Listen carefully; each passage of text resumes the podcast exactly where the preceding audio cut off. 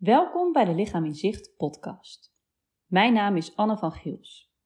Ik ben arts en psychotherapeut en ik heb me gespecialiseerd in aanhoudende lichamelijke klachten waar geen duidelijke medische verklaring voor is.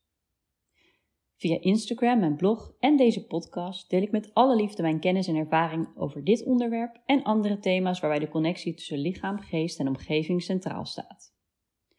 Ook interview ik geregeld anderen die een inspirerend of interessant verhaal te vertellen hebben. Deze aflevering gaat over het thema serieus genomen worden. Misschien heb je soms het gevoel dat anderen jouw klachten niet serieus nemen. Waar heeft dat mee te maken? Wat kun je eraan doen? In deze aflevering deel ik mijn kijk hierop. Veel mensen met onbegrepen of onverklaarde klachten hebben het gevoel dat anderen, en dan met name zorgverleners, hun klachten niet serieus nemen. dit kan een heel gevoelig punt zijn. Ik zelf word dat geregeld van cliënten wanneer ze vertellen over hun eerdere ervaringen met hulpverleners. Maar ik zie het ook wel eens terug in reacties op mijn social media post, waarin mij dan verweten wordt dat ik bepaalde klachten of aandoeningen niet serieus neem. Ik moet zeggen dat ik dat best lastig vind soms, omdat ik het juist heel belangrijk vind dat er meer aandacht en erkenning komt voor onbegrepen klachten. Maar kennelijk versta ik in dat geval dus iets anders onder serieus nemen dan die ander. Dus ik heb mezelf afgevraagd van ja, waar zit dat dan in? Wat betekent iemand serieus nemen eigenlijk precies? Wanneer neemt iemand jou en je klachten serieus? Daar wil ik het met je over hebben in deze podcast. Ik heb voor mezelf nagedacht uh, over wat ik versta onder iemand serieus nemen of een klacht serieus nemen. En voor mij bestaat dat uit twee belangrijke onderdelen. Het eerste is echt luisteren. En dat betekent dus iemand zijn of haar verhaal laten doen, aandachtig luisteren en niet meteen, niet meteen een oordeel vormen en vooral ook geen overhaaste conclusies trekken. Maar het betekent ook respect hebben voor wat iemand zelf denkt over zijn of haar klachten en daar niet overheen walsen. En het tweede onderdeel is begrip opbrengen voor de last die iemand ervaart en dus niet bagatelliseren. Dus erkennen dat de klachten echt zijn en dat iemand eronder lijdt en het dus niet afdoen als aanstellerij of iets onbenulligs, iets dat er niet toe doet. En het laatste staat voor mij overigens compleet los van de oorsprong of de oorzaak van de klachten. Dus ook klachten waar geen duidelijke medische verklaring voor is, of waarbij geen aantoonbare afwijkingen in het lichaam zijn, zijn echt. En ze voelen hetzelfde en ze kunnen enorm veel lijden en beperkingen met zich meebrengen. Maar helaas ziet niet iedereen dat zo. Ik vind het persoonlijk bijna onvoorstelbaar, maar ik hoor nog steeds geregeld verhalen dat wanneer er geen ziekte vastgesteld kon worden, artsen heel respectloos en neerbuigend kunnen zijn. En veel mensen met onverklaarde klachten hebben ook nare ervaringen gehad met zorgverleners, met een bedrijfsarts, met het UWV op hun werk.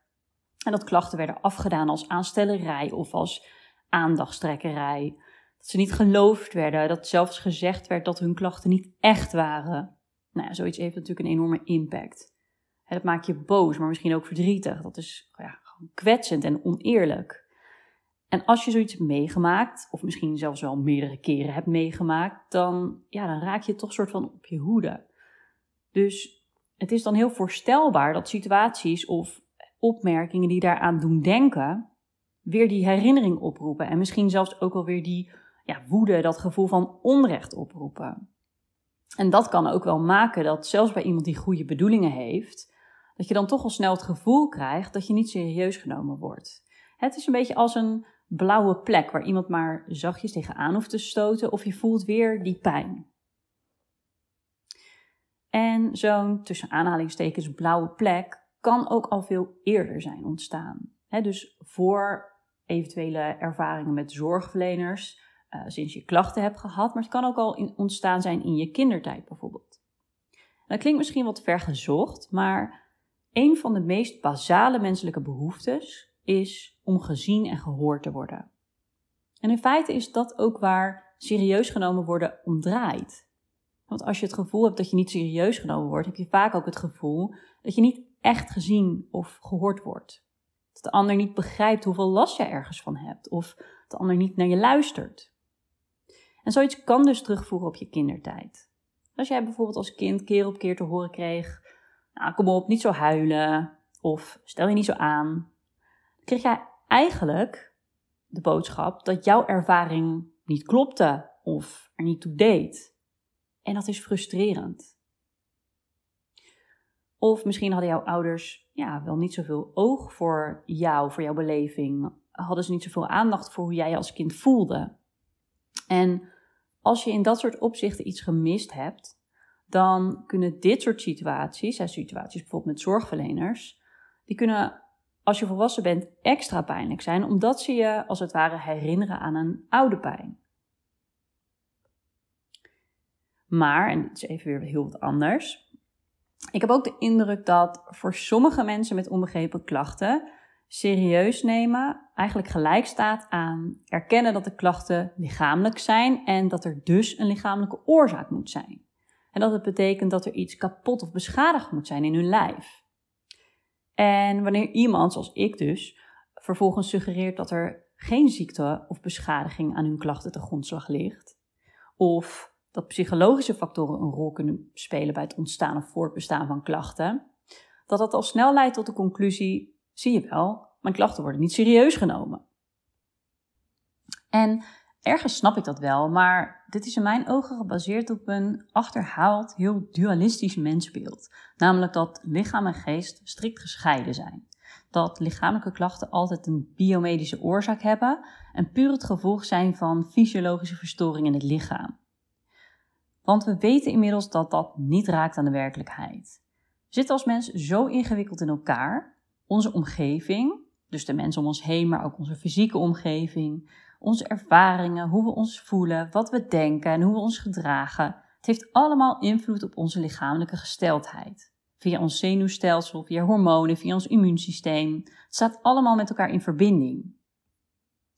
En natuurlijk wil ik daarmee niet zeggen dat er geen gedegen medisch onderzoek moet plaatsvinden. Dat staat buiten kijf. Maar een klacht serieus nemen betekent in mijn ogen dus niet dat je enkel kijkt naar het fysieke en dat je eindeloos blijft doorzoeken naar een medische verklaring.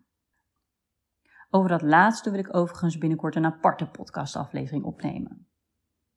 Maar wat daarbij komt, is dat er ook nog veel vooroordelen bestaan rondom het hebben van psychische klachten en het bezoeken van een psycholoog of een psychiater.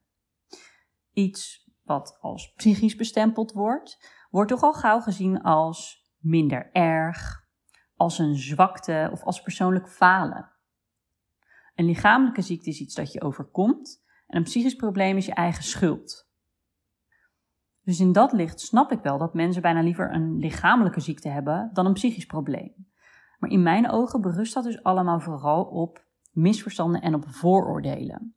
En ik vind het ook een gemiste kans om lichamelijke klachten puur te zien als de uiting van een fysiologische verstoring in het lichaam. Want door breder te kijken, dus bijvoorbeeld naar hoe je je klachten ervaart, wat je denkt over je klachten, hoe je ermee omgaat, ontstaan er soms juist ook waardevolle aanknopingspunten om de klachten te verlichten. Maar goed, even terug naar het serieus genomen worden. Wat kan er nog meer aan bijdragen dat je je niet serieus genomen voelt? Ik denk dat in deze tijd uh, tijdgebrek van zorgverleners daarin ook een belangrijke factor kan zijn. Een lastig punt voor vooral veel huisartsen is dat ze maar weinig tijd hebben. Een huisarts heeft gemiddeld zo'n 10 minuten voor een consult en moet in die tijd een inschatting zien te maken van de situatie en liefst ook nog een bijbehorend plan opstellen. De meeste huisartsen zijn heel goed in het afwegen van risico's, maar ze hebben niet altijd de tijd om jou daar ook uitgebreid in mee te nemen in die afwegingen. En daardoor kan het zijn dat aan bepaalde dingen voorbij gegaan wordt, of kan het lijken alsof je huisarts weinig aandacht voor bepaalde aspecten heeft. Nou, en als het gaat om collega's, om leidinggevenden of om andere mensen in je omgeving, speelt onwetendheid misschien ook een rol. Dus wanneer je vertelt dat je een gebroken been hebt, hebben de meeste mensen daar wel een beeld bij, hè, wat dat is. En uh, kunnen ze zich misschien ook wel enigszins voorstellen hoe dat voelt. Maar wanneer je vertelt dat je chronische pijn of chronische vermoeidheid hebt, maar dat er geen, geen medische diagnose gesteld kan worden, dan zullen veel mensen daar weinig van begrijpen. Mensen snappen misschien niet waarom je het ene moment iets wel kunt en het andere moment niet. Ze snappen niet hoe het kan dat je zoveel last hebt van iets terwijl artsen niks kunnen vinden. En uit onbegrip of ongemak vragen mensen dan vaak niet verder of ze vullen dingen zelf in. Ik wilde deze podcast afsluiten met een paar tips. Wat kan je doen wanneer je het gevoel hebt dat iemand je klachten niet serieus neemt? Als eerste, ga voor jezelf na op basis waarvan je deze conclusie trekt. Dus wat maakt dat jij je niet serieus genomen voelt? Wat heeft die ander precies gezegd of gedaan, of misschien juist niet gedaan, waardoor jij je zo voelt? En zou hier ook iets anders achter kunnen zitten? Zou er een andere verklaring kunnen zijn? Daarnaast kan het zinvol zijn om jezelf af te vragen of dit een gevoel is dat jij vaker hebt. Heb je eerdere ervaringen gehad waarin je niet serieus genomen werd, waarin je niet gehoord werd, niet geloofd werd? Is dit misschien ook iets waar jij zelf heel gevoelig voor geworden bent? Iets waardoor je misschien soms overhaaste conclusies trekt over bepaalde situaties. Door dit na te gaan kan je eerlijk kijken wat is van de ander en wat is van jou. Welk deel van jouw gevoel komt voort uit jouw ervaringen en jouw geschiedenis en welk deel komt direct voort uit het gedrag van de ander. En daarmee gaat het niet om wiens schuld het is, maar het kan je meer inzicht geven in wat er nu eigenlijk precies gebeurt. En in het meest ideale scenario zou je dat vervolgens met de ander kunnen bespreken. vertel eerlijk dat je het gevoel hebt dat de ander jouw klachten niet serieus neemt en leg uit waar je dat op baseert. En check ook of het klopt. En dan kan die ander zijn of haar kant toelichten.